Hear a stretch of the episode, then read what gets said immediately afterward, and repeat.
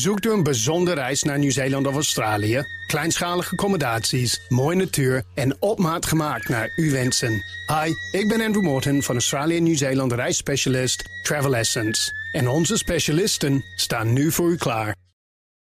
Rob Witjes is hier, moet nog even de juiste microfoon zien te vinden. Dus een stapje naar. Ja, nee, je staat hartstikke goed voor. Het personeelstekort neemt steeds grotere proporties aan. Talloze vacatures blijven onvervuld en werkgevers zitten met de handen in hun haar. Wat betekent de krappe arbeidsmarkt voor ondernemers, HR-directeuren en bestuurders? Wat zijn mogelijke innovatieve, creatieve oplossingen en waar zijn al die werknemers eigenlijk gebleven?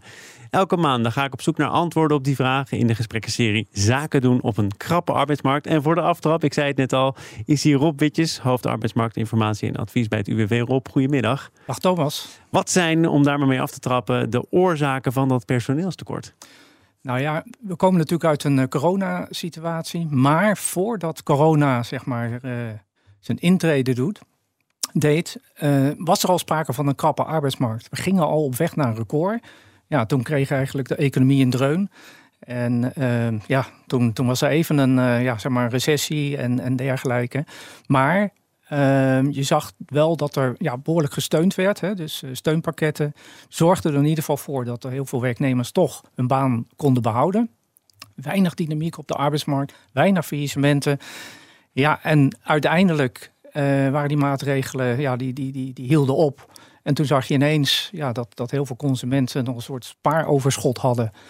Massaal gingen uitgeven. En ja, dat stuurt natuurlijk de vraag ook naar personeel omhoog. Daarnaast natuurlijk de zorg en de overheid hebben flink ja, zeg maar, uh, ook tijdens corona geïnvesteerd in het werk van personeel. ik herinner me dat ook tijdens die periode dat die steunpakketten van kracht waren, onder andere het Centraal Planbureau wel eens heeft gezegd, macro-economisch zou het misschien zelfs wel beter zijn om die steunpakketten nog eens te heroverwegen. Want dan komt de economie een klein beetje in beweging, komt ook die arbeidsmarkt in beweging en kunnen mensen die elders hun baan verliezen ook weer elders aan de slag. Uh, kun je daar vanuit het UWV iets over zeggen? Is dat, zou dat toch verstandiger zijn geweest dan? Nou, ik denk dat er wel heel veel uh, ondernemers echt geholpen zijn. En natuurlijk heb je een aantal bedrijven die ja, misschien uh, ja, uh, het niet, ja, zeg maar niet echt nodig hadden, maar het was een generieke regeling. Het moest ook heel snel van de grond getild worden. Um, dus je hebt altijd bedrijven die, die er echt mee geholpen zijn omdat ze echt in de problemen kwamen. En je hebt bedrijven waarvan je zegt van oké, hadden die het anders wel gered. Dat, dat hou je altijd. Uh, maar het is wel zo dat je ziet dat er heel weinig dynamiek tijdens de, de coronasituatie ja, eigenlijk ontstond op de arbeidsmarkt. Waardoor er weinig beweging was. En als er dan meer vraag komt, ja, dan zie je in alle hoeken en gaten eigenlijk van de economie uh, uh, een, een toenemend personeelstekort. En het is nu zelfs zo erg hè, dat uh, ongeveer vier op de tien bedrijven ja, personeelstekort als de belangrijkste belemmering zien voor een bedrijfsvoering. Maar de, de vraag die door economen wel is gesteld en vermoedelijk ook door veel werkgevers, waar zijn al die mensen gebleven? Die vinden ze als een oorsprong in een arbeidsmarkt die ook voor corona al heel krap was. Dat is meer een demografische ontwikkeling. Um, nou ja, je zag eigenlijk al vanaf uh, 2014, 15 dat het veel beter ging met de economie vanuit de, vorige crisis. En dat kwam ja, tot een hoogtepunt eind 2019, zelfs begin 2020. Dus eigenlijk kwamen we nog helemaal niet toe aan een recessie of een, of een, of een uh, terugslag. En dus het had niet alleen met een, uh, met, ja, toenemende vergrijzing, hè, die, die zien we nu natuurlijk veel sterker. Zeker naar de toekomst. Hè.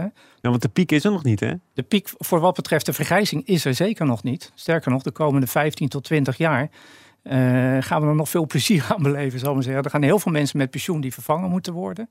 En daarom is van belang ook dat bedrijven daar heel goed...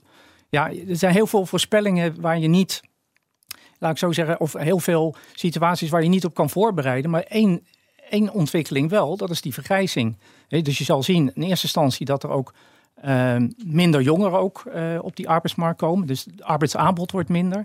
Ja, en door die vergrijzing zie je echt de komende 15 tot 20 jaar ja, dat dat de belangrijkste factor gaat worden uh, voor de economie. Dus voor werkgevers is het eigenlijk een prettige wedstrijd. Hoe kun je nog aan personeel komen? Ja, er zijn eigenlijk drie elementen voor, voor, voor werkgevers. Eén, hoe, hoe krijg je werknemers binnen? Twee, hoe kan je ze aan je binden? want je kan aan de voordeur eh, heel veel energie zetten, maar als ze door de achterdeur weer naar buiten gaan. Retentie is vaak wat minder sexy, maar niet minder belangrijk. Ja, absoluut belangrijk. En als je mensen binnen hebt, ja, hoe kan je ze dan ook voor langere tijd inzetbaar uh, houden? Hè? Dus als, als je nu al ziet dat bedrijven zeggen, ja, ik kan mijn, personeel, of kan mijn vacatures niet vervullen. Weet je wat, ik verdeel uh, het werk wat ik dus, waar ik geen mensen voor kan krijgen over het zittend personeel. Ja, dan loop je ook weer het risico op verzuim en verloop. Dat zijn eigenlijk drie elementen. Dus zowel het binnenhalen van mensen, behouden van mensen. En als je ze eh, binnen hebt, zorgen dat ze ook ja, daadwerkelijk langere tijd uh, nou ja, hun werk kunnen verrichten. Die inzetbaarheid waar we het steeds over hebben. Dan spreken wij elkaar ook al enige tijd. En eh, een zaak die al lang speelt is ook waar kijk je naar als je mensen binnenhaalt? En hoe belangrijk is een cv nog? Zou je niet veel meer moeten kijken naar vaardigheden of naar ervaring?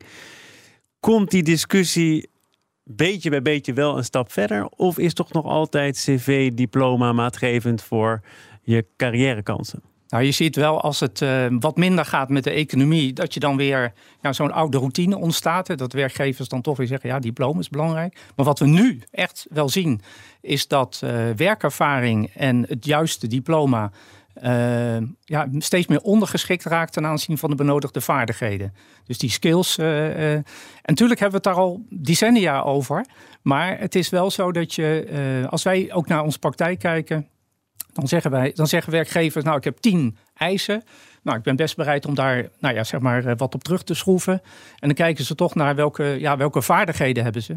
En ja, Tuurlijk vraagt men, tuurlijk is, zijn nog heel veel bedrijven die heel traditioneel zijn en zeggen, nou stuur maar een motivatiebrief en een cv, u hoort nog van ons.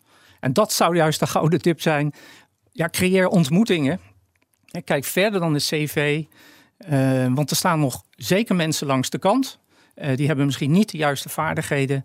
Maar ja, ontmoet, uh, ontmoet die ja, werkzoekende eigenlijk op een andere manier dan dat je nu gewend bent door een briefselectie. Charlotte, tot slot? Nou ja, ik denk dan blijkt niet uit een cv ook wat je, wat je vaardigheden en je werkervaring is. Hè? En dat vasthouden van mensen, natuurlijk. Ik snap dat je ze niet extra werk moet geven, die werkdruk ja, uh, moet, moet opbouwen, omdat je een tekort hebt. Maar ik vraag me dan wel altijd af, iedereen heeft het maar over, we moeten mensen beter vast zien te houden. Maar volgens mij zijn er heel veel werknemers die juist de afwisseling van werkgevers ook leuk vinden. Dat je ze alles kan bieden wat je wil, het helemaal perfect kunt regelen. En dat je toch niet voorkomt dat ze na een jaar of twee vanzelf weer vertrekken. Ja, ik denk niet dat je zegt dat je, dat je echt de deur altijd moet dichthouden. Je moet mensen uh, ontwikkeling kunnen bieden, hè? dus ontwikkelingsmogelijkheden. Dus, uh, maar ook als dat er wel is, als, je, als je al die boxjes hebt gecheckt, dan zijn er toch heel veel mensen die denken, ja, eh, eh, tof. En ik heb hier extra opleiding, extra ervaring. Eh, we, we hebben hier de, de, de tafel, voetbaltafel. we hebben de snacks. We hebben alles wat ik mag werken wanneer en waar ik wil.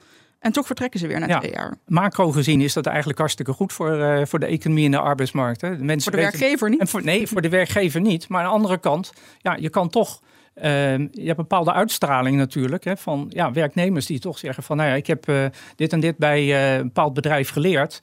Hè, dus uh, het is heel belangrijk dat werkgevers een bepaalde uitstraling ook daadwerkelijk ja, zeg maar zien te bereiken, ook bij die werknemers. Dat die ook als ze weggaan, ook een goed verhaal hebben voor nou ja, dat, dat ze kunnen terugkijken op een goede carrière. Rob Witjes, bedankt voor jouw goede verhaal. Hoofd arbeidsmarktinformatie en advies bij het UWV. Zaken doen op een krappe arbeidsmarkt is mede mogelijk gemaakt door Van Spaandonk. De kracht achter ondernemerschap. Zoekt u een bijzondere reis naar Nieuw-Zeeland of Australië? Kleinschalige accommodaties, mooie natuur en op maat gemaakt naar uw wensen. Hi, ik ben Andrew Morton van Australië Nieuw-Zeeland reisspecialist Travel Essence. En onze specialisten staan nu voor u klaar.